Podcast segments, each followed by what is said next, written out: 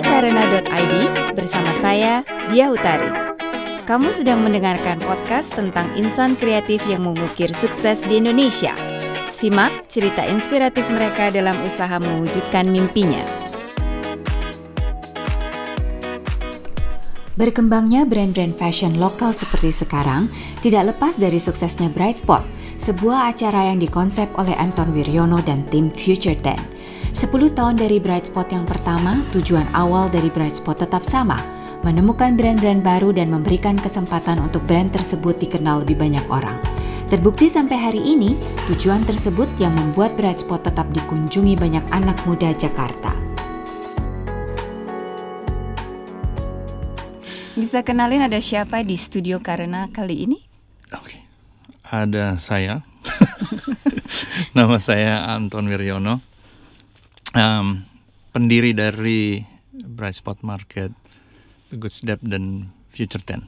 Oke, yang gue ingat tentang Anton Wiryono itu, kalau bikin acara satu Jakarta macet, antriannya panjang banget kan? uh, sebelum ada followers Instagram, Anton udah punya followers di dunia beneran. Betul, di dunia beneran. Di awalnya dunia gimana? sudah berubah sekali ya sekarang, yang digital. Betul. Ini pre-digital era. Nah, awalnya sampai ada di titik itu gimana, Ton? Panjang ya? Panjang, panjang apa apa ya? Gak apa-apa. Uh, mungkin passion gue utamanya itu di musik ya um, dan itu ngedrive uh, sebenarnya apa jadi inspirasi gitu untuk yang gue lakuin untuk uh, lain-lainnya. Saya sebenarnya di belakang musik itu uh, sebenarnya creativity in general ya. Bahwa awalnya gue ngerasa um, uh, musik waktu gue waktu mulai bermusik atau gue sebagai orang kreatif itu rada nggak dianggap sama teman-teman nih yang biasanya di dunia bisnis lah gitu ya. Dan itu mungkin jadi motivasi awal untuk gue mau membuktikan waktu itu pernah bilang kayak balas dendam ya. Hmm. bahwa dengan uh, kreativitas itu kita bisa mem bisa membuat sesuatu yang meaningful gitu bisa uh, membantu untuk merubah uh, keadaan seliling atau atau dunia. Hmm. gitu kan. Um, dan walaupun waktu sekolah gue ngambil business administration tapi ya itu passion gue di music. Waktu kuliah uh, di di Amerika waktu itu um, pertama business venture gue adalah bikin uh, acara musik um, rave gitu ya. Di mana kita nyewa satu uh, waktu itu hanggar pesawat. Kita ngebuk DJ DJ-nya um, uh, nyewa lighting nyewa segala macam sama teman-teman kuliah um, apa impian banget ya sebenarnya impiannya bukan untuk bikin acara impiannya untuk nge DJ hmm.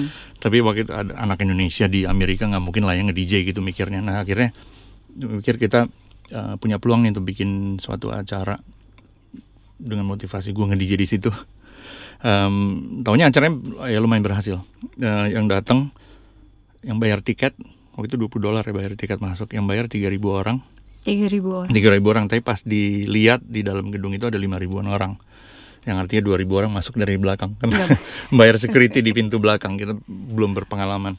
Tapi dari dari situ kita uh, apa ngelihat bahwa sebenarnya ya di di mana pun ya kita waktu itu orang Indonesia bikin suatu acara seperti itu di Amerika kayak nggak mungkin taunya uh, kita berhasil gitu bikin sesuatu yang menarik untuk orang sana pun datang. Tapi yang penting motivasi pertama tadi bahwa akhirnya gue bisa nge-DJ di acara di sana dan akhirnya di book main sama uh, promotor lain untuk di acara-acara hmm. mereka. Jadi mission accomplished. Jadi impiannya. awalnya awalnya cuman pengen membuktikan bahwa gue bisa men-DJ. Itu iya, tapi di situ karena masih muda dan masih kuliah itu sebenarnya untuk lebih untuk membuktikan ya apa, apa uh, uh, keinginan, impian gitu ya. Uh, dan membuktikan nah poin setelahnya itu bahwa akhirnya waktu itu gue harus pulang ke Jakarta. Hmm. Uh, di sana kita udah udah jadi promotor, gue udah jadi DJ yang di book di mana-mana, impiannya hmm. udah terjadi.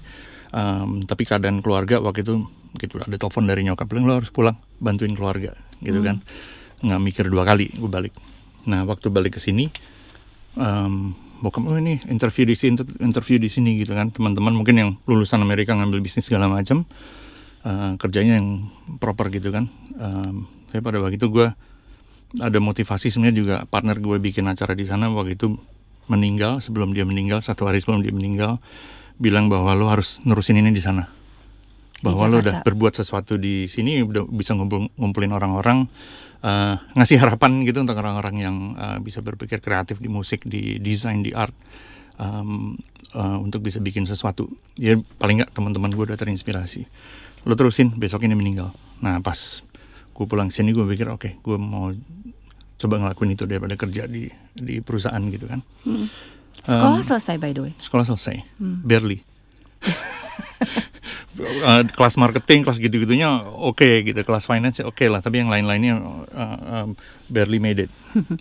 Um, pas balik ke sini ya itu tadi uh, nekat untuk enggak nyoba nge DJ dulu main di satu tempat setengah jam suruh turun. Main di tempat kedua setengah jam suruh turun. Karena? Udah, lagunya jelek bilangnya. Lagu lo terlalu idealis lagu lo aneh segala macam Padahal baru pulang dari sana em, apa banyak di praise dan banyak main di acara-acara sana. Nah akhirnya eh, berkeputus ya udah kalau gitu jangan main dulu. Waktu itu bikin toko piringan hitam, gitu kan bahwa punya teman-teman banyak di sana yang bisa mengkurasi lagu-lagu untuk dibawa dijual di sini Eh, dengan kredit card satu gue bisa eh, ngimport barang untuk untuk eh, jualan piringan hitam. Zaman itu sebelum zaman jadi digital masih pakai piringan hitam, satu piringan hitam satu lagu harganya cukup mahal. Kalau sekarang kan musik udah nggak nggak perlu dipunyai lagi ya, masa kita tinggal download juga nggak ya sekarang streaming. Streaming. You don't need to own anything. Tapi pada waktu itu itu nilainya besar untuk punya piringan hitam. Eh, Sekarang lagi kolektornya banyak. Em, akhirnya itu laku banget banyak uh, orang-orang beli dari segala segala macam DJ dan uh, apa uh, klub-klub di Jakarta. waktu itu jenis musik yang dipilih di si piringan hitam itu apa? Iya, em, nah itu mungkin penting juga. Sebenarnya dari awal gue nggak mainin lagu pop.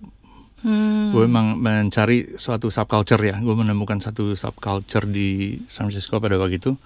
Mainin lagu-lagu yang yang beda gitu. Ada scene-nya sendiri, rave scene itu kan ada uh, musiknya beda, uh, promosinya pun beda gitu. Orang taunya dari word of mouth atau um, apa ada ada uh, phone line gitu lah. Pokoknya susah untuk untuk ini hanya untuk orang-orang yang tahu aja. Jelasin subculture tuh gimana Ton?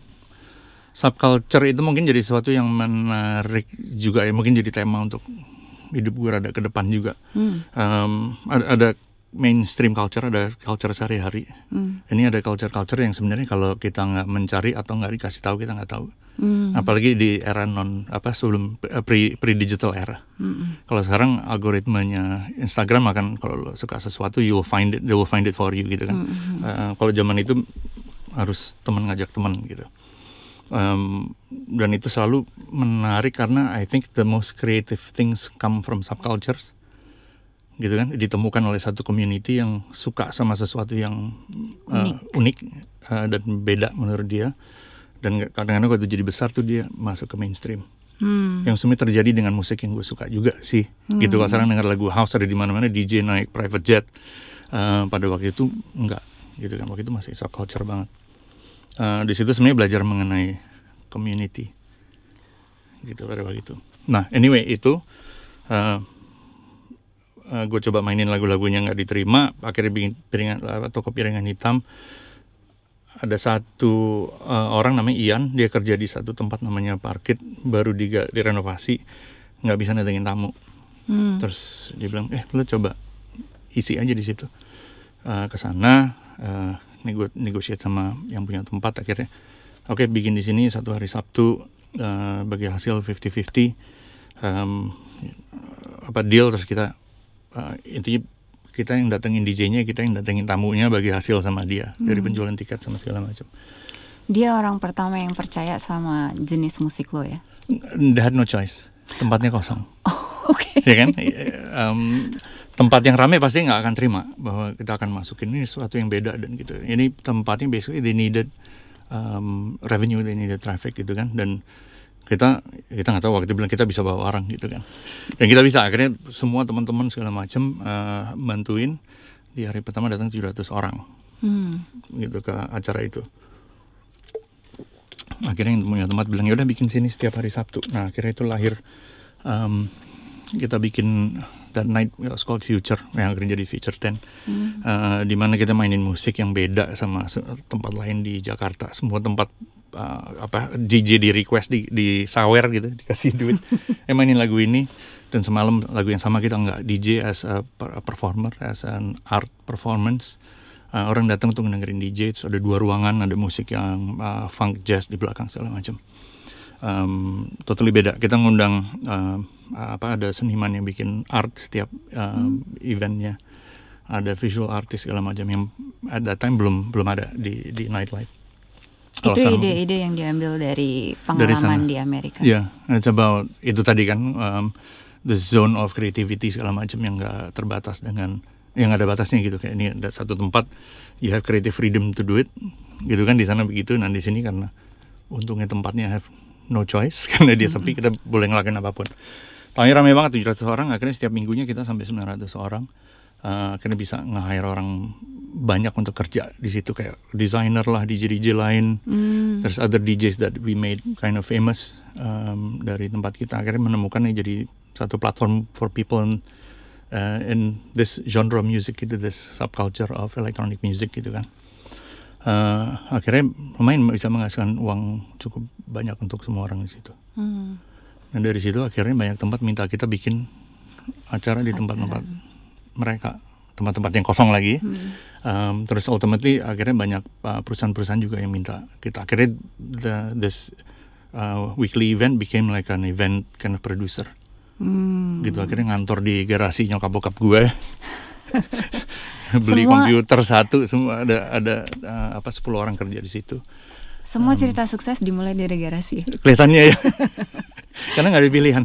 Kita perlu space untuk ngisi orang-orang itu. Nah, akhirnya ya udah garasi ditutup-tutupin dikasih AC. Classic story. si 700-900 orang itu awalnya dari teman ke teman, mulut ke mulut gitu. Terus mulai mengikuti ya. Anton dan acara-acaranya. Ya, pre pre digital, uh, pre social media era uh, teman ke teman dulu juga gitu apa ya telepon ya kalau mau ada acara bilang ini gimana juga bingung mm, yeah. kita masih pakai flyer sih masih cetak flyer mm. dan actually keliling ke mana-mana bagi-bagiin flyer yang pasti ke rumah teman-teman bagian undangan kalau ini bagian bagian flyer. Uh, dan akhirnya mulut actually word of mouth ya. Mm. actual word of mouth gitu. Orang bilang eh ntar ada acara ada acara ada acara ini yang bikin ini segala macam. Nah itu um, ya dulu begitu. Terus orang-orang itu pengen menjadi bagian Anton dan acaranya kenapa ya? Mungkin yang kita tawarkan uh, beda sama yang tempat lain ya. Nggak bisa request. Nggak bisa ngasih uang ke DJ-nya um, environment juga sangat kreatif gitu kan kolaborasi sama seniman-seniman. Um, mungkin yang paling penting perbedaan itu ya. There is hmm. something new for them and something different. Dan kita nggak berkompromi.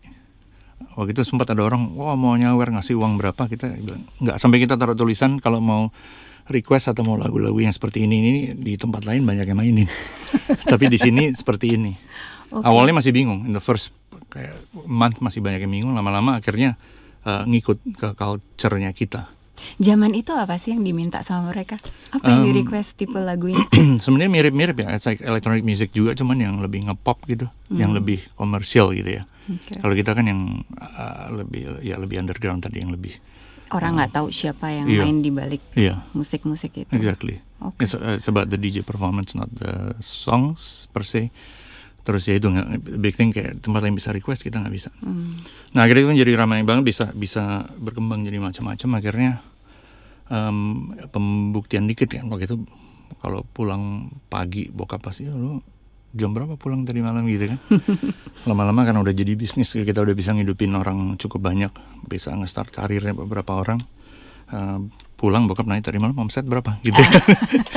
Pembicaraannya berubah. berubah gitu kan. Jadi akhirnya dari pertama dari orang tua dulu bahwa ada ada uh, suatu approval lah ya mereka bahwa you know if you're serious about what you do if you do it well apa ada purpose di belakangnya I think it can hmm. be uh, something gitu kan Nah sebenarnya dari situ jadi berkembang jadi the things I do now is inspired mm. by that.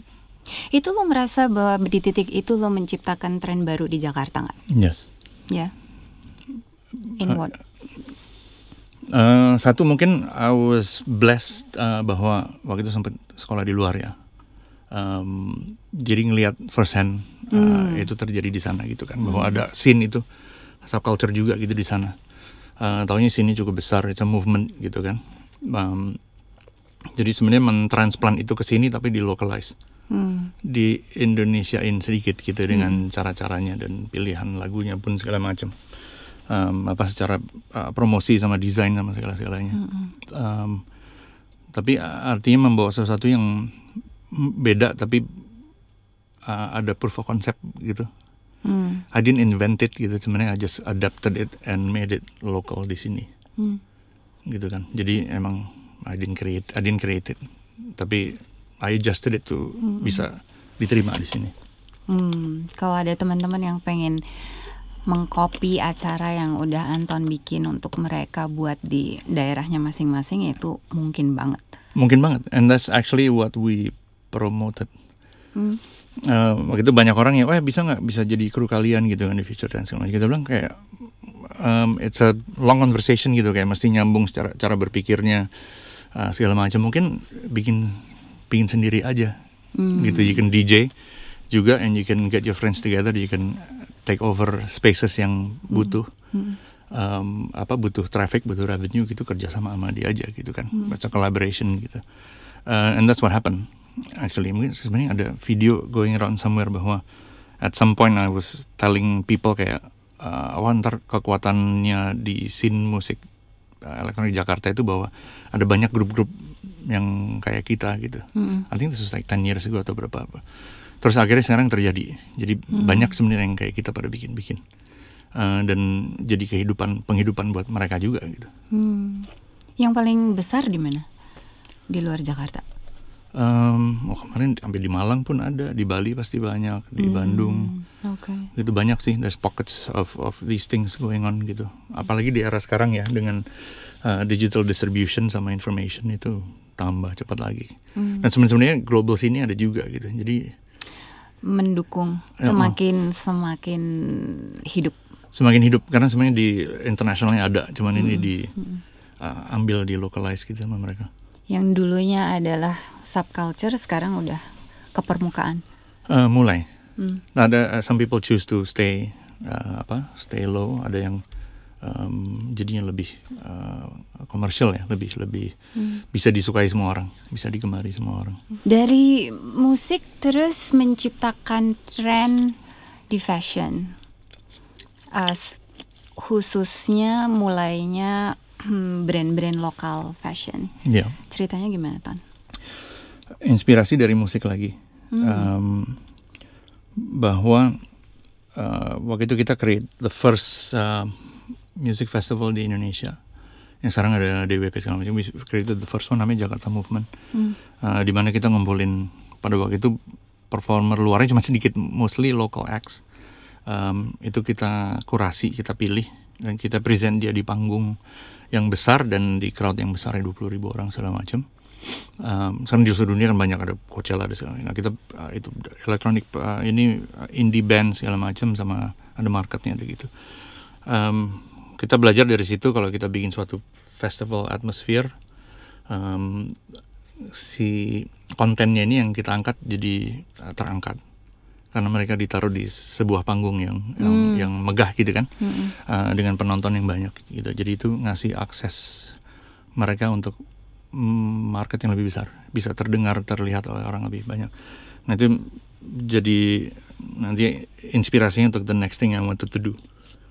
Um, nah itu di situ ceritanya sebenarnya uh, waktu itu gue menyatakan kayak uh, I cannot be in the events business for too long. Karena stressful ya. Waktu itu kita juga ngerjain of corporate corporate events. Um, di mana I mean it was exciting to do tapi kayak cukup stressful gitu. Um, dan even in the nightlife business kayak I, you know, kayak mau sampai kapan sampai pagi terus gitu kan. Um, and the high stress of like the whole showbiz gitu.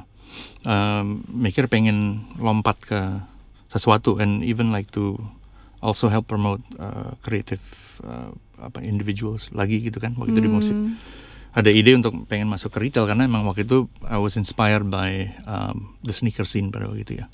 Sneak, the sneaker scene has gone through a few waves and uh, revivals dan sekarang lagi gede banget. Uh, tapi pada waktu itu ya ada ada, ada ininya uh, ada momennya juga pada waktu itu. I was inspired by companies like Nike nih kita bahas lagi that we're doing you know giant companies but doing um, limited edition products gitu kan? Bahwa they don't have to do you know uh, limited quantity products tapi dari scarcity itu jadi ada value-nya tersendiri gitu kan. I was into like uh, uh, sneaker collecting habis itu ya yeah, usually dari bawah ke atas kan. Like if you wear nice shoes you want to wear kind of cool clothes as well. Um, dari pemikiran itu waktu itu kita mikir wah I think we can do something to help um, these brands yang kita ngelihat baru mulai sih gitu. Jadi dari event-event yang kita bikin di musik kita kayak bikin market uh, di mana people come for music but they can also come for for food and to buy clothes. Tapi just like the music is also curated gitu. Um, kita bikin satu dua event tentunya itu berjalan dengan baik. Dan akhirnya kita bilang yaudah kita let's try that uh, festival. Bukan musik tapi lebih ke Jualan. the- uh, jualan gitu idenya nah akhirnya ketemu partner-partner kita waktu when we were doing an event um, um, uh, atau ceritain nggak? Dia karena it's a pivotal it's a, an important moment kan? There's actually pada waktu itu ada Ibu Wina uh, approach saya waktu itu kita uh, lagi sangat aktif di musik sama waktu itu band kita mulai untuk jadi ini pre Instagram untuk jadi uh, endorser atau influencernya untuk untuk Nike which is my dream company kan. Jadi nggak mikir dua kali salaman um, sama Wina. Uh, terus juga kita ada beberapa event yang, yang terus juga diajak untuk bikin. Di satu event basically I I met with my to be founders for untuk ide yang berikutnya ini is to create okay. a this festival for creative um, entrepreneurs making clothing etc etc itu. Uh, waktu itu ketemu Leo ada Inong adik adik gue juga um, you know there, uh, yang uh, beda-beda si Leo designing spaces and ada punya expo company Inong sama suaminya. Lebih art uh, curation of their background and retail. Um, that's what we needed to do for for Nike at that time. It was the 08 08 08 uh, Nike sportswear Sport. international launch kan Launch. di mana mesti gabungin semua itu. Basically there will be art music food um, apa retailing juga di dalam situ uh, to create a pop up uh, event space Mm-mm. gitu kan yang itu jadi basically the prototype of exactly what I wanted to do. Uh, tapi untuk for like a market type thing. Jadi pas itu pas ketemu mereka untuk ngomongin itu sekalian guys I have this idea. Um, I think it will work. Kadang-kadang suka jadi entrepreneur suka nekat gitu. I think it will work.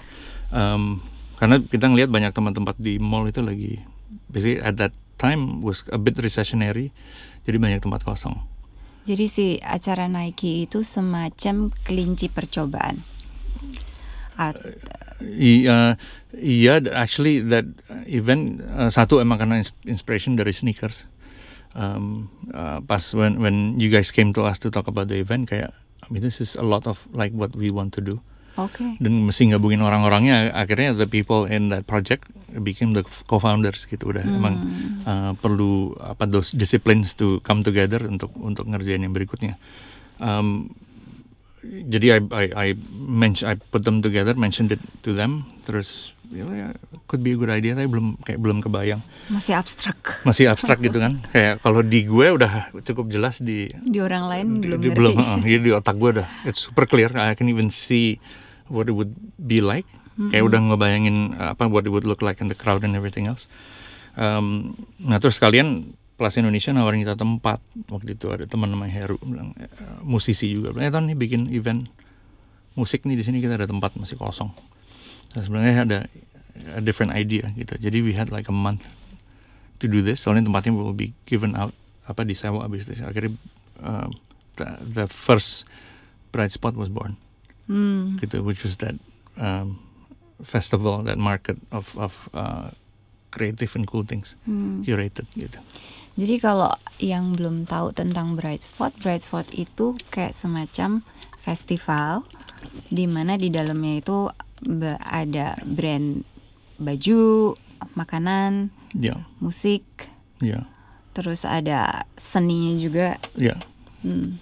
Um, it's a yeah, it's a, it's a market of creativity kita bilangnya. kan. We are eh, kita kayak we're passionate about about I mean starting dari music tapi 360 to a person's creative person's life gitu. Hmm. Jadi sebenarnya inspirasinya adalah waktu itu we were um, we were not happy dengan offer yang ada di Jakarta di Indonesia untuk um, orang-orang yang berpikiran kreatif dan maju itu untuk bisa belanja Oke. gitu kan? Nggak ada ke mall barangnya sama semua segala macam mau nyari barang-barang itu ya mungkin di Bandung mau gitu Sindistro udah lebih lebih jalan ya. Itu salah satu inspirasi juga. Di Jakarta. Orang-orang orang-orang kreatif atau orang-orang cool? um, kalau gue sekarang makanya kreatif ya. Kreatif. um, I mean, it's about cool culture kan. The whole thing with sneakers and apa, apa music and all that it's about cool culture. Tapi kayak kalau disebut mungkin kayak uh, sekarang we formulated as like creative uh, creative individuals gitu kan Oke. um, sebenarnya orang-orang yang mau mencari yang beda dan lebih baik Pengen mengekspresikan mengekspresikan atau- dirinya dengan Iya. caranya sendiri, Iya. nggak didikte dengan tren benar yang Uh, soalnya we believe that everyone is actually creative Hmm. tapi banyak orang yang dari pendidikan dari pekerjaan dari pressure society dan keluarga dia jadi nggak kreatif gitu. I was that person before yang dipaksa untuk enggak gitu kan untuk conform. Um, tapi ya satu gue nggak mau. Kedua uh, gue ngelihat ada peluang untuk bisa enggak I could make money from my creative ideas gitu kan. And I would do it together with other creative uh, people that had the same problems as me being a creative person gitu. Kayak dia pengen mengekspresikan kreativitasnya tapi nggak bisa dia kayak gitu Ini dalam tuntutan ya ini. pemikirannya Oh, lumayan. lumayan dalam. Tapi that would be like the theme of my life it seems like which is interesting. I, I jadinya kayak I gravitate ke ke situ terus gitu ya. That's- I think it's my calling jadinya. Oke. Jadi si eh, balik lagi soal si bright spot, ide awalnya adalah untuk si orang yang kreatif ini supaya punya pengalaman berbelanja yang berbeda, pilihan barang yang lain, atau bright spot ini sebenarnya awalnya dibikin pingin menjadi wadah orang-orang kreatif yang menghasilkan menjual menghasilkan sesuatu. Eh, jawabannya adalah dua-duanya Hmm. Jadi emang kita uh, membuat suatu marketplace ya, di mana um, ada uh, penjualnya Ada. sama ada yang pembelinya. Gitu, the- the- penjual punya problem, mereka punya barang, punya ide dan barang-barang yang menarik, uh, tapi nggak tahu nyari pembelinya di mana. Uh, pembeli juga dia nyari barang-barang yang seru gitu, cuman kayak hmm, di mana belinya? gitu. Banyak kan mesti ke luar negeri gitu ke Tokyo atau ke even ke Singapura waktu itu udah udah lebih ada. Tapi kita ngelihat locally sebenarnya ada mungkin belum banyak tapi potentially could be amazing gitu kayak Tapi pada saat itu memang lu udah bisa melihat bahwa ada market itu ya, ada ada orang-orang itu yang mencari atau ini udah coba aja dulu. kalau dari sisi market jelas banget bahwa sudah ada dan banyak. Karena we, we've been in the music scene kan. Kalau di musik kan selalu mesti kayak wah keren-kerenan segala macam kan di Oke. di arena musik kita. Dan orang-orang ini ya gitu. Kalau we think eh, kalau orang seneng musik yang eh, kece gitu mesti seneng musik yang beda dan keren dia pasti nanti seneng filmnya begitu juga bukunya begitu juga pakaiannya begitu juga makanannya begitu juga. And it proves to be true. Jadi kayak this 360 around uh, um, a person becomes my ya nanti cerita lagi tadi ke depannya juga masih 360-nya itu tuh. Sekeliling si orang ini gitu. Um, nah kita ngelihat dari musik bahwa banyak dan mereka underserved by um, the the industry gitu sebenarnya. Oke.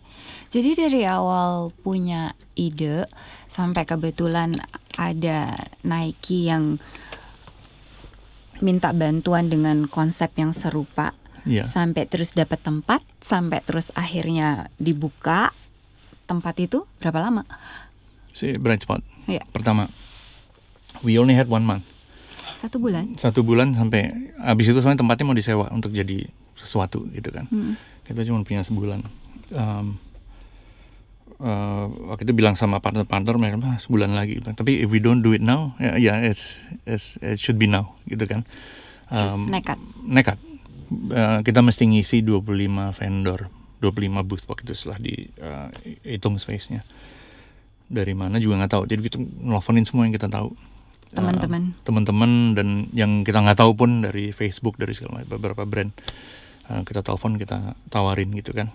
Um, akhirnya kita bisa ngisi 23 duanya kita rekayasa karena kita nggak bisa menemukan 25 yang masuk ke nilai kurasi kita harus uh, original nggak bukan tiruan. Quality harus cukup bagus. Uh, the brand needs to be exciting stand for something. Orang-orangnya juga seru di belakangnya. Uh, akhirnya 20, 25 yang dua tuh kita orang-orang yang nggak percaya kita udah lo konsign aja barang lo ke kita deh kita jualin.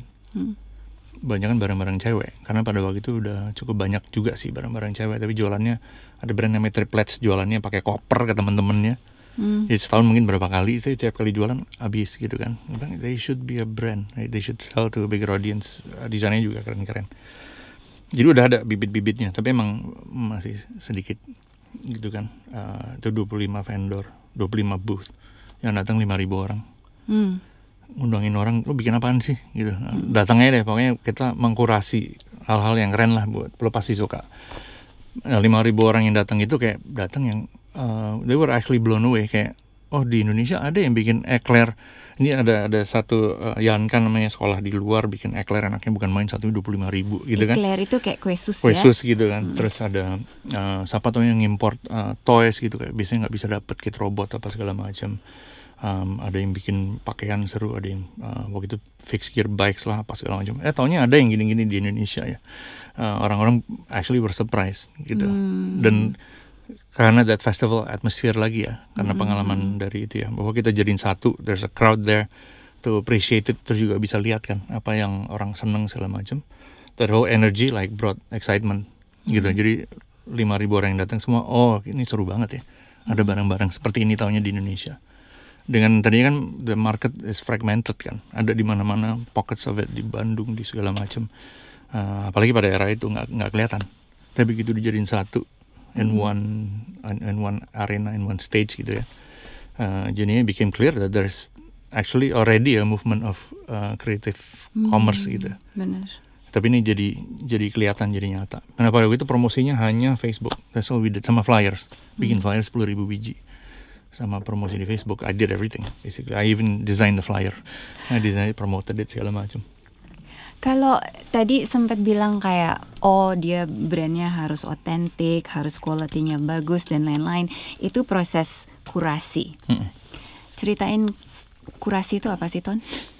Um, kurasi itu mungkin kita mencari terus mengarahkan menjad, menjadikan satu. Mungkin term itu dari dari the art world ya usually ya. Mm-hmm. waktu itu kita bawa ke ke retail we think it's right. Now it's used a lot kan. Mm-hmm. semua bilang it's gitu um, and I think that's one of the problems we solve untuk uh, orang-orang yang datang.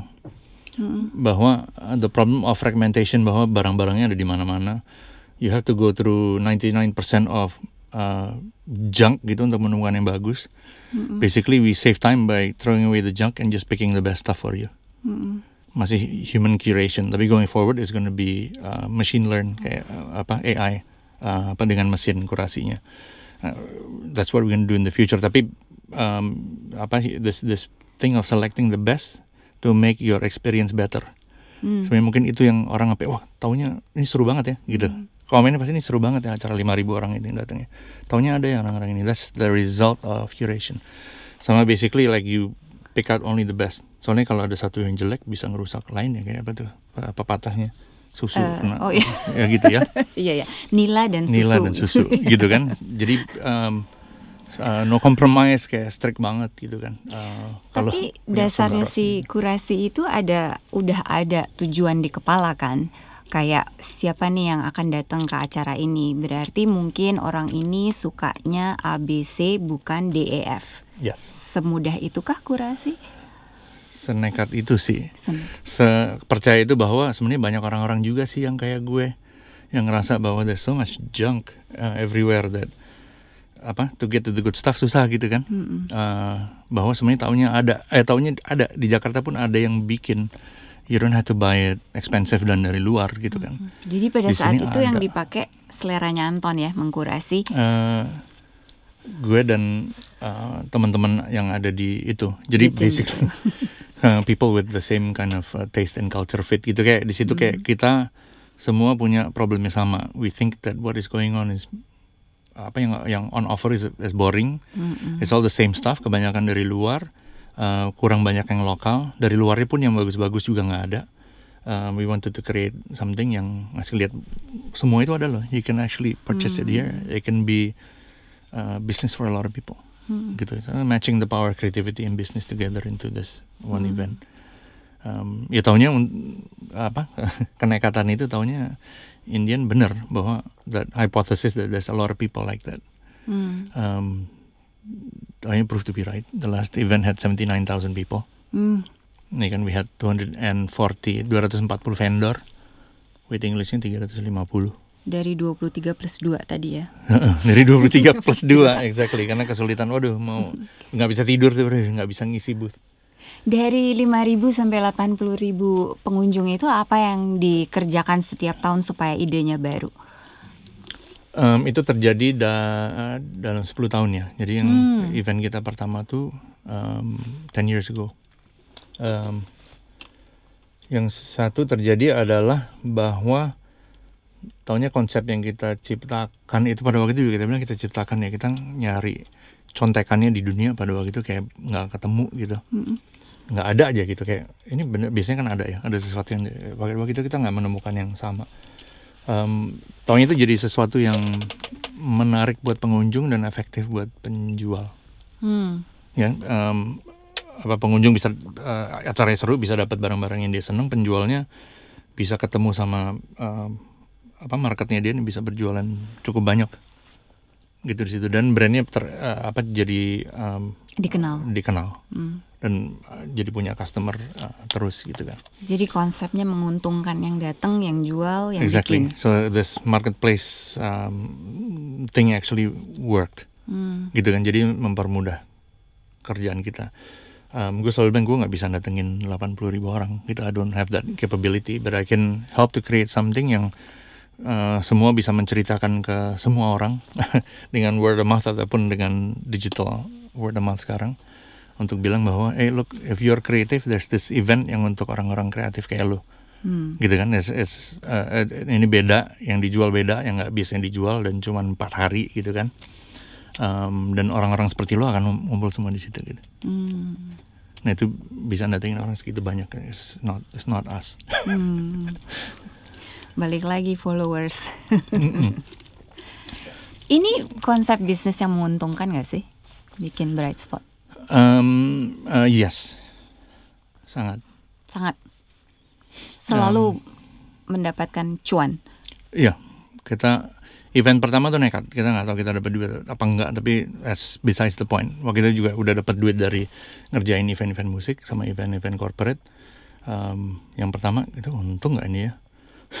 Waktu itu nyawain boothnya 2 juta untuk uh, empat hari itu juga banyak yang oh kita we can afford it. Sekarang penjualan mereka satu event bisa ratusan gitu kan. Tapi pada waktu itu pada ah, nggak tahu gitu 2 juta udah murah banget ya kita udah udah pasti rugi. Um, tapi we didn't care. We we believe nah mungkin kata believe we believe that um, yang kita lakuin kita percaya yang kita lakuin itu harus dilakukan semua potensinya ada kita nggak mau kalah sebagai uh, kreatif uh, apa uh, community dan kita nggak mau kalah sebagai Indonesia gitu kan. Brand-brand di luar banyak banget dan ke mana-mana. Kenapa nggak brand Indonesia gitu? Jadi pada waktu itu kita percaya kita harus lakuin no matter aku mau rugi gue bilang nggak apa-apa gue yang underwrite. Karena iya kan? Pada waktu itu partner-partner bilang udah nggak apa-apa. Mau rugi terserah. Sebulan lagi mau rugi. Ya udah nggak apa-apa. We, we need to do this. Ini sesuatu yang perlu dilakukan. Gitu. Jadi um, ya untungnya it's a it's a it's a good story. Dan lagi along the 10 years banyak orang yang mencontek konsepnya.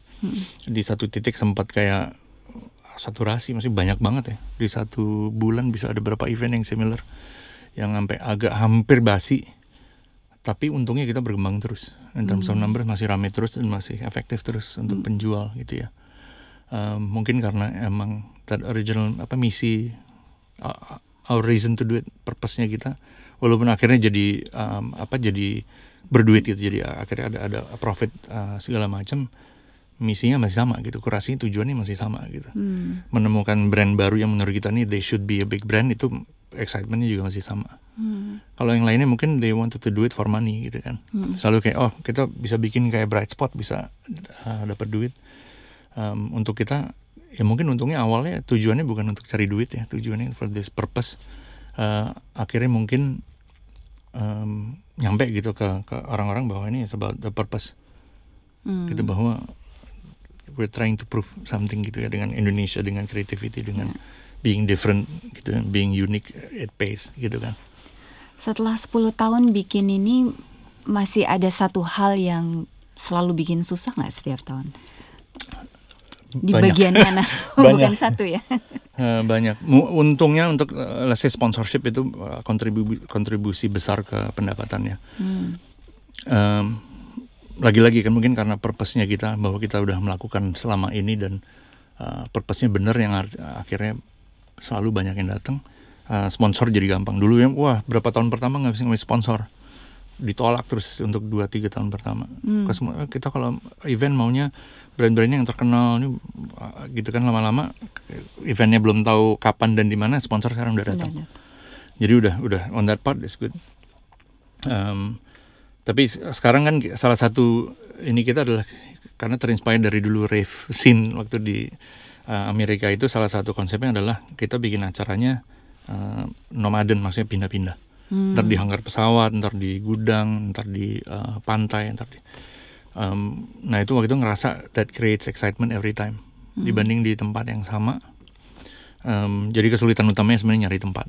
Oke. Kalau dulu cuman 50 vendor gampang, sekarang dengan 300 vendor Semakin susah. besar. Oke. gitu. Terus eh, mungkin terakhir mencari brand apa pipeline-nya untuk brand baru yang menarik. Gitu. Jadi sebenarnya kerjaan kita along across of the year tetap bisa gimana caranya brand-brand yang baru-baru mereka bisa eh, menaikkan level of their quality and design segala macam untuk bisa for prime time gitu ya begini. Tahun ini akan tetap ada Ada Bright Spot. ada Udah ada bulan, tempat, tanggal? Eh, tempat kelihatannya udah Hmm. Eh, bulannya mungkin Oktober lagi Oke.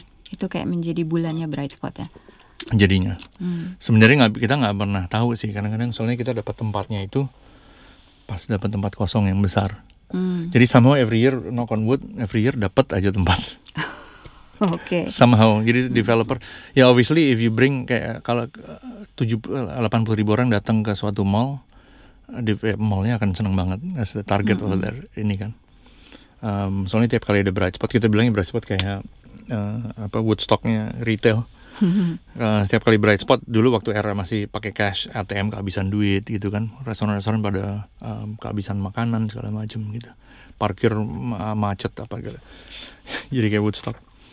Em, apa jadi eh, ya selalu begitu. Yang terakhir di pick juga sampai nggak bisa sampai nggak bisa muter. Jadi it just brings that that much excitement gitu ke acaranya tiap kali. Mau dibawa keluar Jakarta nggak? good question Eh, mau dibawa keluar negeri mungkin. Oh, oke. mungkin mungkin mau dibawa keluar negeri. Kita lagi nyoba untuk bawa keluar negeri karena pas bicara lagi sama brand-brand ini kayak oh sekarang yang udah lebih advance ya. Karena sekarang udah jualan cukup banyak di ya kayak ada beberapa brand yang startnya cuma meja sekarang udah punya berapa belas toko di Jakarta. Yang food juga ada yang udah punya 20 outlet segala macam gitu kan. Em, banyak dari mereka bilang oh kita sekarang pengen akses uh, the international market gitu ya. Hmm. kayak udah beberapa kali dicoba um, apa ke trade show segala macam cuman mungkin belum terlalu uh, banyak interestnya. Nah ini mungkin perlu suatu platform kayak Bright Spot yang untuk mengactivate brand-brand itu ke orang-orang di negara lain. Hmm. it's a new challenge. It's not gonna be easy but it's something I think we're gonna take on Jadi si brand-brand ini sempat ikut trade show di luar negeri untuk memperkenalkan Iya. si brand ini, Uh-uh, tapi B2B gitu belum ya. belum ada respon yang Iya. menarik. I mean, uh, ada kalau retailer gitu kan OTB dia um, harus menghasilkan ya. Artinya si uh, mesti that interesting as product atau that interesting as a, a merek gitu untuk orang mau datang untuk beli. Mm-mm. Jadi kan sebenarnya sebelum kita jual ke B2B-nya mungkin somehow gimana caranya kita activate brandnya untuk punya loyalist, punya punya exposure di uh, Sama consumer B2C-nya sama konsumernya gitu kan. Jadi that part has not been solved. Uh, mungkin itu yang paling susah. Mungkin ikut trade show cukup gampang ya kalau duitnya ada. Mm-mm. Tapi untuk uh, bikin brand itu jadi terkenalnya sih yang kita lakuin tuh akses ke pasar waktu di Jakarta gitu kan yang tadinya susah untuk ke pasar yang um, apa yang yang di mall lah segala macam. Um, kita mencoba ngelakuin itu ke pasar luar, which we think is the hardest part of uh, penetrating a market gitu. Kalau mm -hmm. trade show-nya, kalau ada duitnya kayaknya bisa ikut. Tapi itu create demand. Uh, itu Untuk jadi ngerasa, dikenal sama si yeah, konsumernya itu. Jadi we are trying to we're trying to solve that problem. Hmm, lewat si Bright Spot ini. Lewat the platform of Bright Spot offline yeah. sama online segala macam. Okay. Okay. Sama our network of uh, collaborators lah di negara-negara lain juga. Ada brand yang dari Bright Spot awal sampai hari ini dia berkembang kayak Cotton Ink misalnya hmm, ya. Sangat. Tapi ada brand yang hilang juga nggak? Hmm. Terus banyak. Gimana tuh yang hilang itu karena apa? Kurang lebih. Uh, banyak sih ininya uh, uh, reasoning behind itnya. Ada yang emang waktu itu oh, udah puas sudah udah ini that's it's just a, like a hobby. Uh, atau ada kesulitan untuk scaling uh, lebih besar dari yang seperti itu gitu kan hmm. uh, atau distracted gitu kan mereka apa pendirinya mungkin nggak emang bukan fokusnya di situ something else came up atau segala macam gitu alasan alasannya banyak banyak atau hmm. macam tapi bisa juga nggak berkembang masih wah udah uh, apa terkenal udah masuk Brightstone udah terkenal terus tahunnya ke depannya dia bukan membaik tapi uh, ini classic reasons kan. Kehabisan um, ide. kehabisan ide mungkin inovasinya nggak ada. Hmm. uh, dia next collection ya sama lagi apa segala macam um, jadi nggak berkembang akhirnya discouraged gitu kan. Hmm. um, itu yang kita selalu sedih dan itu yang kita selalu nyoba untuk nggak terjadi gitu cuman it, it happens. Mungkin para itu kali ya mungkin lebih lah mungkin ya 20% will be like the ones that shoot up mm-hmm. uh, terus sisanya mungkin uh, oke okay, cuman nanti ada angin baru atau ada yang hilang mm. gitu. fokus dan inovasi uh, yang harus dikerjain fokus inovasi dan passion kali ya terakhirnya mm, oke okay. fokus okay. inovasi internal reasons uh, management lah ya mm-hmm. apa kayak uh, people in the apa lebih bisnisnya gitu mm-hmm. sama passion kali ya oke okay kadang-kadang kalau everything fails if you still have the passion to do it kayak kita bikin bright spot pertama it was gonna lose money. Tapi kayak we know that's what we want to do that's our passion we did it gitu. Nah kadang-kadang di bisnis ada ups and downs gitu kan. Kalau mm -hmm. lagi down if you don't have the passion you're gonna fail. Melupakan. Iya. Dan nggak mau coba lagi. Nggak mau coba lagi. Kok mm -hmm. kita ngerasa kayak orang-orang yang berhasil gitu yang emang mm, dia persevere gitu. Pasti apa ya? Apa kayak nggak nyerah Mm-mm. as the people that nggak nyerah gitu yang sekarang ada dan berhasil gitu Mm-mm. banyak banget yang sebenarnya mungkin dia bisa cuman ada satu waktu jatuh dia nyerah nih ya there's the brand is gone gitu ada pengalaman yang masih diingat nggak pada saat berhubungan dengan pemula-pemula di bisnis uh, banyak sih and it's always exciting sih sebenarnya karena um, ya kita dulu mereka gitu kan hmm. kayak wah punya suatu ide punya punya semangat punya segala macam um, ataupun ada suatu ide yang uh, nggak uh, cocok gitu ya uh, kadang-kadang kan we have to say no kayak a lot of times actually we say no okay. uh, kurasi kuras kurasi building a brand tuh gitu kali ya curation itu mungkin most of the time you say no kayak hmm. wah ini it's not right Nggak pas. Gitu. mungkin ada satu instance uh, kita lihat produknya bagus cuman logonya contekan. Okay. gitu kita bilang enggak gitu kan. Karena mm-hmm. it, uh, it's not gonna work gitu contekan. Tapi they came back the next year with a new logo terus sekarang jadi it's a big company. Mm. it's a growing company. Um, ada juga yang ya beberapa kali kita pun not right tapi mereka balik lagi with a better collection masuk gitu. Jadi ada juga yang kita salah juga ada yang wah ini bagus masuk tahunya pas koleksinya keluar kayak kurang hmm. oke okay, gitu atau boothnya nggak oke okay, gitu. Hmm, atau itu tadi mereka nggak berkembang hmm. gitu. Jadi ada yang benar ada yang salah kadang-kadang. Hmm. tapi dari dari si pemula-pemula ini kebanyakan mereka kekeh mau ikut atau begitu ditolak mereka ada nggak yang kelihatan agak drama-drama gitu? Ada. Ada yang ditolak terus ngambek. Oh ya? Terus mereka ke platform lain gitu kan ke, ke kompetitor kita ada gitu. -hmm. terus um, tapi ada yang balik lagi gitu ke kita. Ya, ini ada ini sekarang kita bisa gitu. Dan those people usually actually jadi um, berhasil gitu mereka. Hmm. yang punya drive itu ya sama hmm. kenekatan itu kayak ngototnya gitu perlu negosiasi negosiasi sama mereka menyenangkan gampang atau susah? Hmm, di awal pasti susah ya tapi lama-lama karena platform kita terpercaya gitu ya sama udah lebih standardized. Maksudnya kayak in terms of ngasih harga in terms of nempatin mereka drama sih nempatin mereka di mana. Karena there's no tempatnya kan berubah-berubah ya. Jadi kalau kayak di let's say di mall gitu bilang oh ini uh, apa zone bagus gitu kan. Uh, kalau kita ng- kadang-kadang nggak bisa tahu sampai acaranya berlangsung gitu karena pindah-pindah tempat terus. Kita bisa eh, ini kayaknya harusnya bagus lantai satu di depan. Taunya usually is not. Yang paling depan itu taunya apa kayak kita ngerasanya pasti lebih baik tapi taunya yang paling depan itu sebenarnya dilewatin orang gitu kayak gitu gitu kan. Em, tapi lama-lama kayak mereka udah percaya atau udah nggak ada pilihan dan terima bahwa kita menempatkan mereka di di mana di mana gitu. Oke. karena we cannot build an algorithm uh, untuk mana yang bagus karena Right, tempatnya berubah-berubah. Itu Dan- salah satu challenge ya Banyak banget detailnya ya, Ton. moving partsnya banyak banget sih. Hmm. dan bright spot itu menarik ya. Jadi uh, it's once a year timnya yang ngerjain itu only works about three months of the year. Hmm. or less. Banyak yang less. Banyak yang sebulan doang gitu. Jadi second on apa perusahaan on demand gitu. Jadi Pas- cabutan tim ya. cabutan semua Oke. Jadi kalau mungkin kayak perusahaan Airbnb nggak punya kamar atau Uber nggak punya Hmm. taksi ya tapi mereka nggak terlalu bagus IPO-nya. Eh, ini juga aset lebih kita nggak nggak nggak itu nyewa kantornya juga cuman makainya pas mau event aja gitu. Habis itu bubar gitu kan. Oke. Eh, kita kerja pakai Slack pakai apa segala macam gitu. Most of the time juga ngantornya cuma seminggu dua kali Oke. gitu. Jadi it's interesting sih. Interesting. Nanti kalau kita mau scale dia ke kota-kota lain ke negara lain juga eh, seperti itu juga gitu. Jadi akan cabutan. cabutan. Hmm, Oke. Di titik mana kemudian bright spot menjadi good step? Sebenarnya cukup early ya. Jadi satu tahun into Bright Spot. Karena waktu Bright Spot awal tuh belum ada lagi yang seperti Bright Spot kan. Nah artinya setelah kita pertama berhasil, mereka banyak yang eh kita mau jualan terus gitu kan. Nah awalnya itu eh, tiga kali itu Bright Spot. Jadi habis dari Plaza Indonesia kita ke Grand Indo, Grand Indonesia, mereka dengar oh di Plaza Indonesia ada acara rame banget, disuruh ke sana kasih tempat. Habis itu lupa yang ketiga di mana kasih tempat lagi. Pacific Place. Itu ketiga atau keempat ya?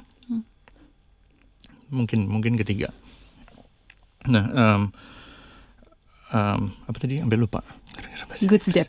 Good step. nah, habis satu habis satu tahun eh, udah cukup jelas sebenarnya buat orang-orang bahwa ada banyak brand dan karena yang kedua ketiga juga banyak yang toton nongol Brand ada brand-brand toton brand-brand itu udah ada tapi kok kita apa under our radar atau yang actually terus bikin uh, untuk bright spot jadi abis tahun udah cukup jelas bahwa sebenarnya ini kalau dibikin sesuatu yang lebih formal dan ada terus eh, bisa jadi sesuatu gitu kan. Um, nah one year into it kayak satu setengah tahun gitu kayak hmm, lagi-lagi Plaza Indonesia bilang ini ada tempat waktu itu gue sempat bilang kayak pengen bikin yang uh, permanennya uh, sehari-harinya bright spot gitu kan. Bright spot eventnya ini yang sehari-harinya. Dikasih tempat gitu di revenue share-nya kecil nggak bayar sewa revenue share kecil kayak tempatnya emang aneh depannya kecil dalamnya 1000 meter gitu kan. Em, terus akhirnya kita ya udah kita mau ambil aja cuman dikasih tempatnya setahun. Terus ke, kita ke investor teman-teman eh, ya, apa yang kita bilang kita mau bikin ini perlu duit segini proof of conceptnya bright spot eh, dapat early investment.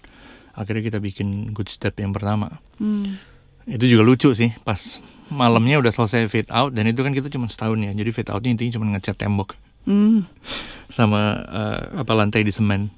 Jadi kalau orang retail bilang ini a- apa sih gitu? Bisa kan dari mana?" rapi-rapi ha. pada waktu itu tema-tema desain rustic gitu tuh belum belum belum zamannya yang hipster gitu kan. Nah kalau kita emang ya emang suka begitu. Tapi kedua kita fade out eh, cost per meternya kecil banget. Jadi emang cuma bisa ngecat dan lain-lain. Furniture-nya juga movable semua. Ingat tuh gue satu malam pas eh, udah mau jadi gitu yang seribu meter nih gede juga ya. Kita ngisinya gimana? Kita waktu itu belum tahu persis eh, bisa berapa vendor yang masukin barang dan segala macam. Hmm. eh taunya pas opening pas eh, apa pas close to opening eh, day itu keisi semua somehow. Jadi kayak mereka udah wah ini nggak mungkin bisa. Kalau gue selalu yang nggak bisa bisa bisa gitu taunya bisa gitu. Nyebelin tapi ternyata tapi terbukti ter, bisa. Ter, terbukti. Udah yang, ah, udah nih nggak bisa ntar setengah apa segini ditutup aja segala macam. Nggak nggak. We need to have impact ya. Perlu cukup besar, so it's different from everybody else. Just find stuff gitu kan. Kita bicara sama gitu kan. Tapi tetap kurasi gitu. Jadi kayak um, apa? A struggle. Taunya buka dan dan uh, keisi dan dari hari pertama rame. Hmm. Gitu dan waktu waktu itu juga banyak nggak percaya gitu kayak ah oh, kalau bright spot rame karena empat hari. Mm-mm. ya kan ada scarcity-nya dari situ. Tapi kalau udah buka tiap hari lo nggak bisa rame. Tapi waktu itu ada banyak lah yang bilangin gitu. Tapi waktu itu uh, gue tuh terutama gue mikir sih uh, ya there's this need uh, untuk orang-orang beli barang-barang ini kan. Kan they need to buy clothes they need to waktu itu kita juga masukin restoran dari awal pokoknya harus ada restorannya part of the experience. Hmm. it's also what we are into gitu uh, pada waktu itu tren makanan juga belum terlalu uh, nggak kayak sekarang Uh, tapi it needs to be this experience gitu terus ada event di dalam tokonya um, apa se- secara visual merchandising juga mesti dipindahin biar bisa ada event musik di sini event seni Hmm. gitu kayak um, belum pernah ada toko seperti itu gitu kan dan udah Konsepnya modular. modular Jadi- sama rotating sama kreatif uh, Kalau gue datang setiap hari, experience-nya Yes. terus berbeda. Iya. Itu tim VM-nya sih sebel banget sama gue. Setiap berapa hari harus di rotate dibedain. Um, kantor intuitif juga maksudnya kayak ini ada uh, art exhibition. It's not gonna make money per meter square gitu kan. Tapi enggak, we have to do this gitu. Um, tapi taunya those things create a difference gitu kan. So, akhirnya rame banget. Kita mungkin uh, retail terame in terms of traffic ya. Kita ada anchor tenant meeting diundang gitu kan. Kita cuman this kind of insurgent small pop up tapi diundangnya ke meeting-meeting seperti itu. Karena kita kalau hari Sabtu Minggu tuh asli masuk kan pintunya kecil kan entrance-nya if you remember. Mm-mm. itu kayak it's a river of people gitu kayak sungai manusia gitu. And it's just retail really.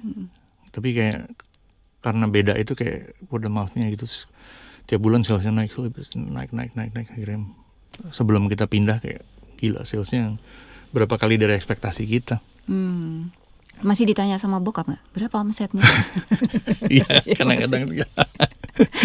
EBITDA berapa? Oke. Terus em, belajar retail dari mana, Ton? Nggak pernah belajar retail. Hmm. Em, belajarnya dari orang-orang. Ada banyak sih mentor-mentor gitu kayak apa yang di retail. Eh, ini dong. I'll buy you uh, dinner, teach me. gitu-gitu kan. Em, tapi setelah ya pas sebelumnya kan nggak ngerti. Pas udah jalan banyak orang-orang yang gue coba I pick their brains gitu kan. Um, terus ya we were the biggest news in retail gitu. Um, sampai sekarang pun we're still doing things yang kayak retailer lain akhirnya ngikut. Um, analisa mereka adalah we can do that because we're not retailers. Hmm. Nah ini kembali lagi ke my Kreativitas. balik ke personal lagi ya. It's to the single customer gitu. Kayak we it's a store that serves ke kebutuhannya dia secara 360 derajat gitu kan. Um, that's the experience. Hmm. Di offline dulu ya nanti kita ngomongin online. Tapi di offline bahwa um, si orang yang forward thinking kreatif tadi datang ke toko kita they could come for an art show atau ada uh, pertunjukan musik atau makan tapi dia juga akan beli barang-barang yang udah terkurasi untuk mereka gitu kan Jadi mungkin sebagai gambaran, eh, Goods Dep itu kan sebuah toko, Mm-mm. sebuah gerai toko. Dibandingkan dengan ya, dibandingkan dengan gerai toko di sebelah, mereka hanya menjual baju. Mereka hanya bu- jual sepatu. Tapi di Goods Dep itu ketika kita masuk ke tokonya, pengalamannya berbeda.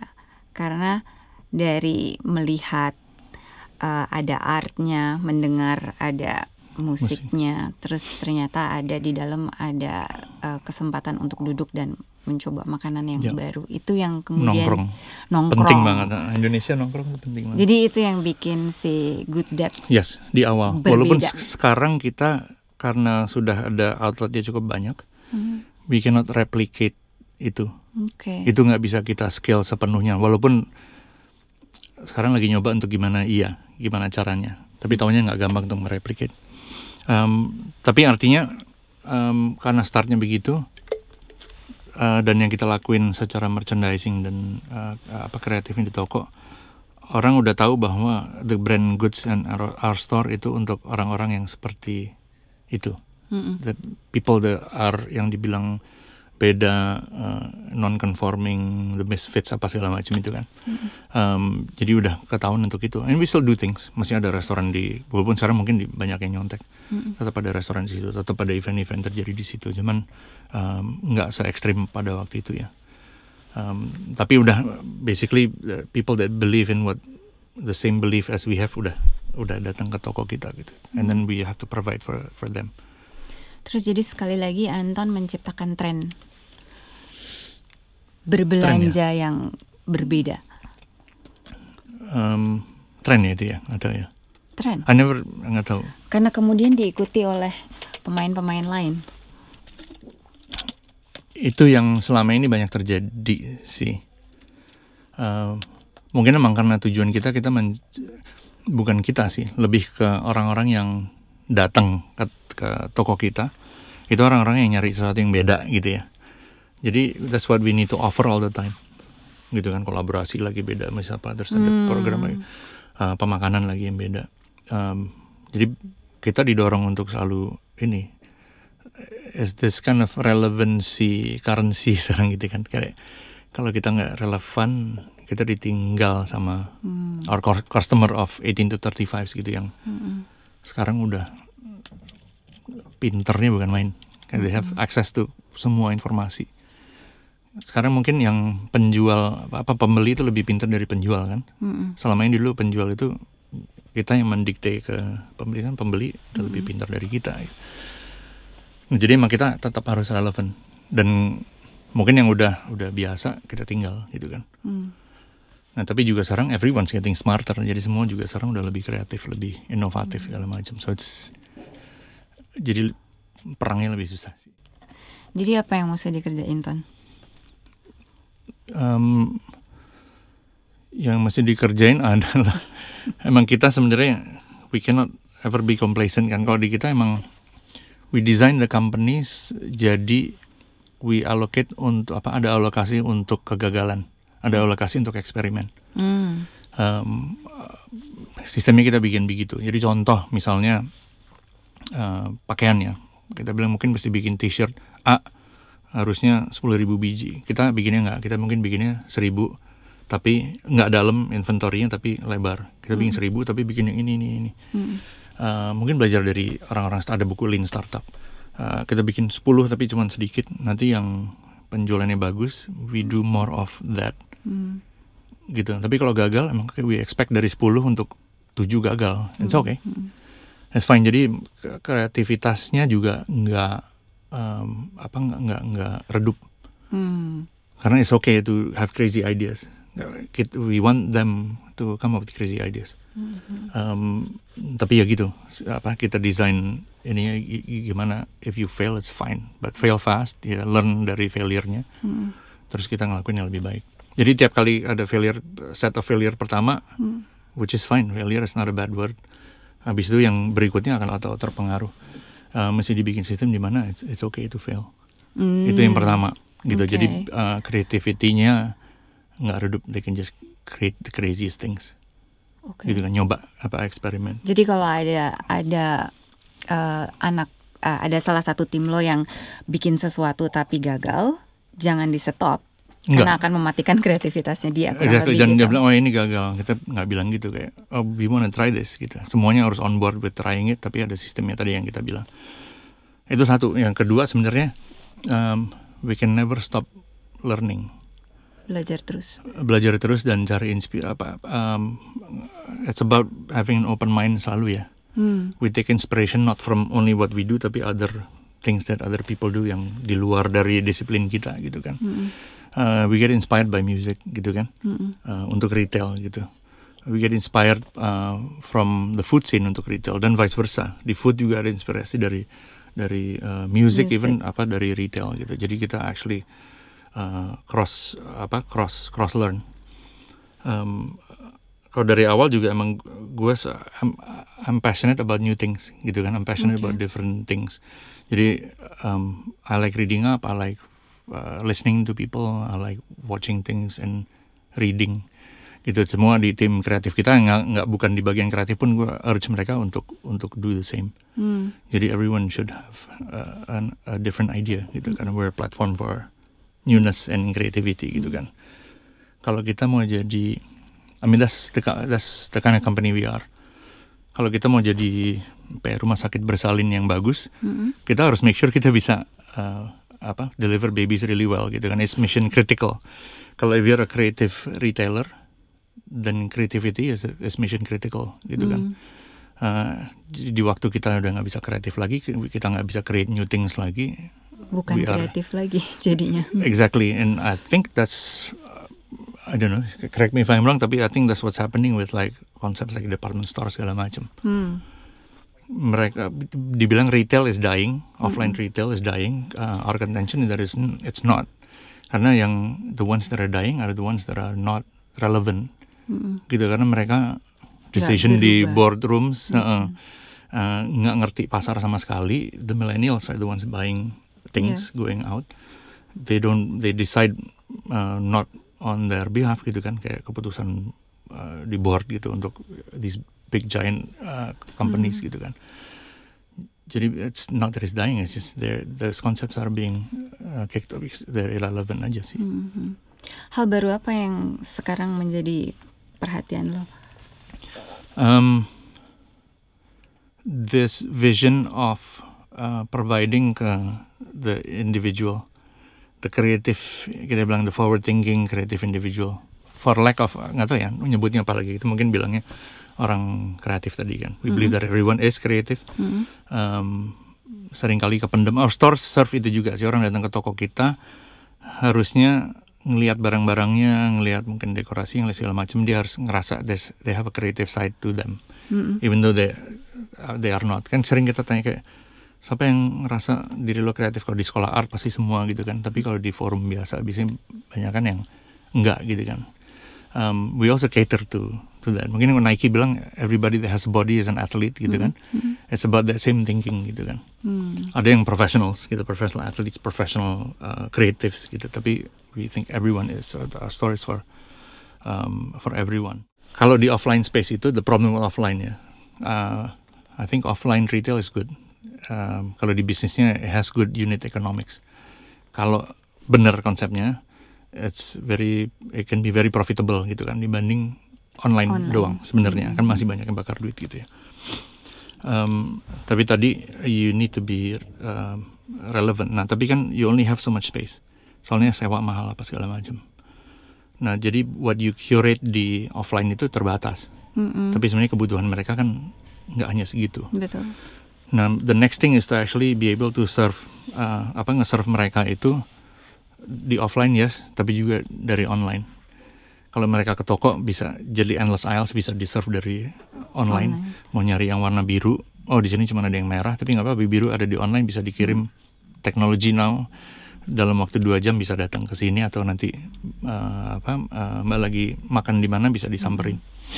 So that's possible.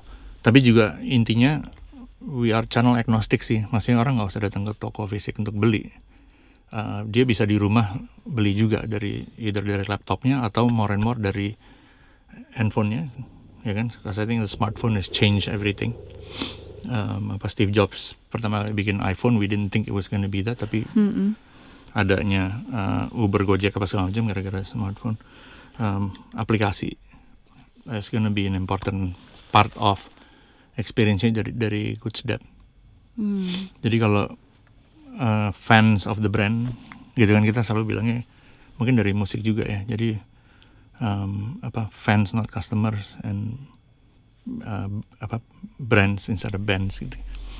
Nah fan-fannya itu bisa um, apa um, sign up di appnya and they will be provided with things that is needed for them 360 mm. uh, things to buy uh, daily deals to eat uh, daily content they can sell back their products karena it becomes a thing sekarang yep. kita punya barang udah banyak numpuk nggak tahu mau diapain uh, we're gonna help solve that problem tapi mm. juga circular kan because I think mm from now going forward anything that's uh, ramah lingkungan akan akan bagus. Jadi we want people to actually mungkin buy less, Hmm. Um, buy less new stuff, tapi uh, bisa juga beli barang yang orang yang udah nggak dibutuhkan. Second hand. Ya, itu ke depan akan jadi uh, bisnis yang cukup besar ya. Jadi kita akan provide, akan solve that problem juga. Hmm. Uh, semua dari app-nya. Plus nanti semua datanya udah ada, di mana kita bisa mengkurasi buat uh, orang-orang ini, Mm-mm. very customized, um, um, apa sama um, ya, su- super tepat sih intinya. Jadi kayak orang yang karakternya seperti ini, they will get uh, advertising sama suggestions yang cocok buat dia. Hmm. di mana nanti orang apa orang akan beli yang lebih tepat kedua brands akan bikin kuantitinya lebih tepat. Hmm. less waste juga. Kalau sekarang kita datanya nggak cukup ya. Kayak Ya. oh yaudah bikin sepuluh ribu gitu kan. Mudah-mudahan delapan ribu orang beli sisa di diskon. Tapi kalau dari sini mungkin kita udah bisa lebih tepat ngasih tahu ke our community vendors lo bikinnya 3000 aja kalau kayak seperti itu karena datanya menyatakan ini gitu kan. Atau archetype yang seperti ini cuma ada segini. Uh, apa tujuannya untuk bisa lebih tepat? Di mana people don't have waste. Oke. and actually they're more profitable Dengerin Anton itu benar-benar kayak dengerin orang kreatif ya, sambil mikir, sambil membayangkan, sambil bicara. Toto keluarnya oh, pengen, ngomong eh ada yang beda gitu. Jadi intinya adalah mungkin ke depannya Goods Dap itu pengen mengawinkan antara si toko fisik toko yang kita lihat di mall dengan online, lalu menggabungkan data tentang si consumer-consumer ini Ya. dan memberikan service-service yang baru Ya. sampai ke titik di mana eh, gimana caranya mengolah eh, barang-barang yang udah lo beli selanjutnya mau diapain kurang lebih gitu ya Tan, Yes, karena itu yang terjadi ya. Mm-mm. We want people to buy, tapi we- kita juga mau orang untuk uh, lebih ramah lingkungan tadi ya, bisa ngejual balik barangnya. Orang lain bisa uh, beli dengan harga yang lebih baik. Jadi dia circular tadi. Oke. Tapi mungkin yang ketepatan, maksudnya dari data uh, teknologi membantu uh, brand-brand sama apa matching sama customernya. Hmm. Jadi nggak ada excess, nggak ada waste, less less waste. Mungkin kayak uh, lagi balik ke musik kayak Spotify itu kita setiap minggu suka dapat suggestion Iya. musik gitu kan. Jadi that's what we want to do juga. Ini ada suggestion, misalnya nanti hopefully sejuta orang ikut app-nya, Mm-mm. No one's the same kan. Manusia Iya. itu beda-beda secara nggak ada manusia yang taste-nya plek sama gitu. Nah, kita bisa kurasi secara custom untuk sejuta orang yang tepat sama behavior Iya. sama taste-nya dia gitu. Di antara ada suggestion itu. Tapi gue punya kesulitan dengan Spotify karena Hmm. gue selalu mendengarkan lagu the 80s, right? Mm-mm. Jadi nggak ada kesempatan dengerin lagu baru. Suggestionnya itu lagi, itu Nah lagi. itu benar. Nah di kita di kita we also want to solve that problem gitu exactly. Nah ini uh, tepat. Jadi mungkin mesinnya cuma bisa tahu kayak Spotify mesinnya tahu you listen to 80s. You, they only push 80s music ke, ke lo kan. Nah kita mau uh, involve human tetap ada human curation juga gitu jadi assign orang kayak oh ini lihat profilnya ibu dia dia biasanya gini oke gue coba nih lagu baru yang mungkin dia bisa suka gitu kan. Jadi artinya ada ada masih ada human touchnya sedikit digabung sama mesin. Em, bahwa mesin akan take over manusia mungkin untuk banyak fungsi. Mm-mm. Em, tapi banyak fungsi yang manusia nggak bisa diambil alih. And a lot of it is actually human creativity menurut kita. Gitu jadi mungkin apa full circle yang dulu kita percaya bahwa creativity can make the world better dan creative people will rise gitu kan Uh, kita ngerasa dengan the advent of um, technology and automation segala macam akhirnya yang what's important for human beings is human creativity gitu Well done, well said. oke Um, last thing Last thing. Um, kalau ada panjangan yang ngomongin gue sorry kalau ada teman-teman di luar sana yang pingin meniru apa yang udah Anton lakukan sepanjang 10 tahun, bagian mana yang gampang untuk dicontek? Bagian mana yang gampang untuk dicontek? Gue juga besok nggak bercanda. Apa ya? Hmm, mungkin kemarin gara-gara uh, Parasite tuh menang ya Uh, si Bong uh, Joon Ho ya si direkturnya filmnya luar biasa itu, Iya. itu Asian Pride dia dia nggak quote dari Scorsese sih dia bilang the Hmm. most creative is the most personal Coba gitu kan diterjemahkan. quote-nya. gimana ya tuh yang paling kreatif adalah yang paling pers, paling per- Pribadi. pribadi yang paling personal Hmm. gitu Em, pas dia ngomong gitu ya, gue ngerasa kayak em, kena it's the lowest hanging fruit Hmm. gitu kan buat buat creativity ataupun buat creative business gitu kayak em, kalau itu emang yang apa diri yang the, if it's us we can sell it better can if you have a passion kayak kita punya passion untuk yang gitu I love music I love creativity Mm-mm. gue bisa ngejualnya gampang banget Mm-mm. tapi kalau gue suruh ngejual sekrup atau ngejual eh, apa plat besi gitu kan I will not be able to sell it well Oke. gitu contoh contohnya contohnya itu kalau untuk menjualnya tapi untuk mengcreate-nya juga gitu kan Em, kalau kalau di film mungkin kayak itu ah, ba- banyak personal experiences yang dibikin ke filmnya. Hmm. jadinya filmnya comes out as ah, sangat otentik dan sangat ah, kena dan bener gitu kan. Nah itu ah, apa gue ngerasa bisa di apply ke banyak yang kita lakuin. Gitu. Salah satunya mungkin being authentic juga being ah, jadi orang Indonesia gitu kan. Mhm. kalau sekarang lihat bahwa di dunia itu udah semua very competitive gitu kita punya advantage by being ourselves. Gitu. Nah sekarang kita lagi ngomong sama brand-brandnya nih lo mau jualan di luar gitu lo harusnya punya cerita yang basically very authentic to you. Harus ada Indonesianya Mm-mm. tanpa being batiki gitu tanpa being uh, etnik gitu kan. Um, itu yang mesti dicari. Cuman masalahnya kan sering kalau oh, Indonesia harus batik kita dikritik terus kok. Kok nggak jual batik kok nggak jual eh, apa eh, apa yang etnik gitu. Kayak kita percaya we- you- kita nggak usah harus jualan batik untuk jadi Indonesia gitu Hmm. there's other things that we can um, apa portray untuk ngasih bahwa ini ini Indonesia in our own way gitu kan Mm-mm.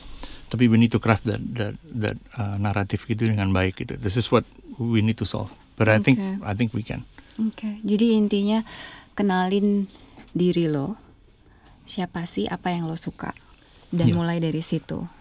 Artinya itu yang paling gampang kan? Because you're being yourself. Ya, Uh, susah untuk jadi orang lain let's Orang taken lagi ya. kita uh, harus pura-pura jadi itu gitu tapi kalau bisa ngelakuin sesuatu yang emang kita uh, mungkin itu yang paling gampang gitu. Sebenarnya nggak ada yang gampang gitu kan di di when we're doing things gitu ya. Cuman mungkin itu a bit of a guarantee that you will be more successful daripada Oke. yang bukan kita sendiri. Oke.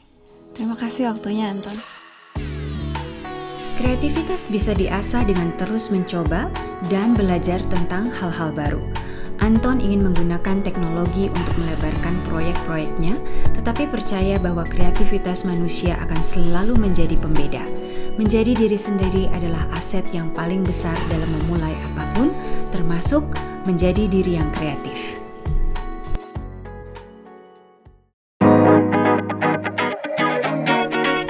Terima kasih sudah mendengarkan cerita dari pelaku industri kreatif kita. Terus dengarkan cerita baru setiap minggu, jangan lupa subscribe dan bantu sebarkan juga ya. Jika kamu ingin tahu cara memulai bisnis, yuk kunjungin www.karena.id.